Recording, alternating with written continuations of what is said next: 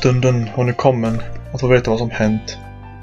Berätta nu, röt IT-Anna strängt. Läsken är slut. Vi har druckit upp den.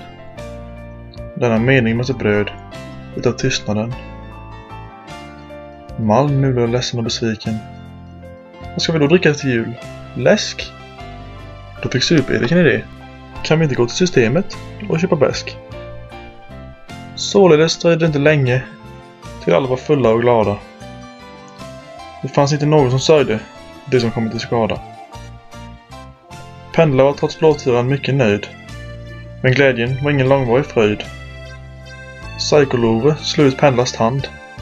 När Pendlar råkade på Loves rumpa lägga sin hand. Till och med Horpan hittade till hubben. Men stackars Stek låg fortfarande sov, den lilla gubben. Sexigt, de stod ensamma och skämdes med sina hjärtan av sten. Ja, förutom Oel som satt ner, han hade ju inga ben. Rutnan visste inte riktigt med vem han ville pippa. Men som kvinna var han väldigt intresserad av sin egen snippa.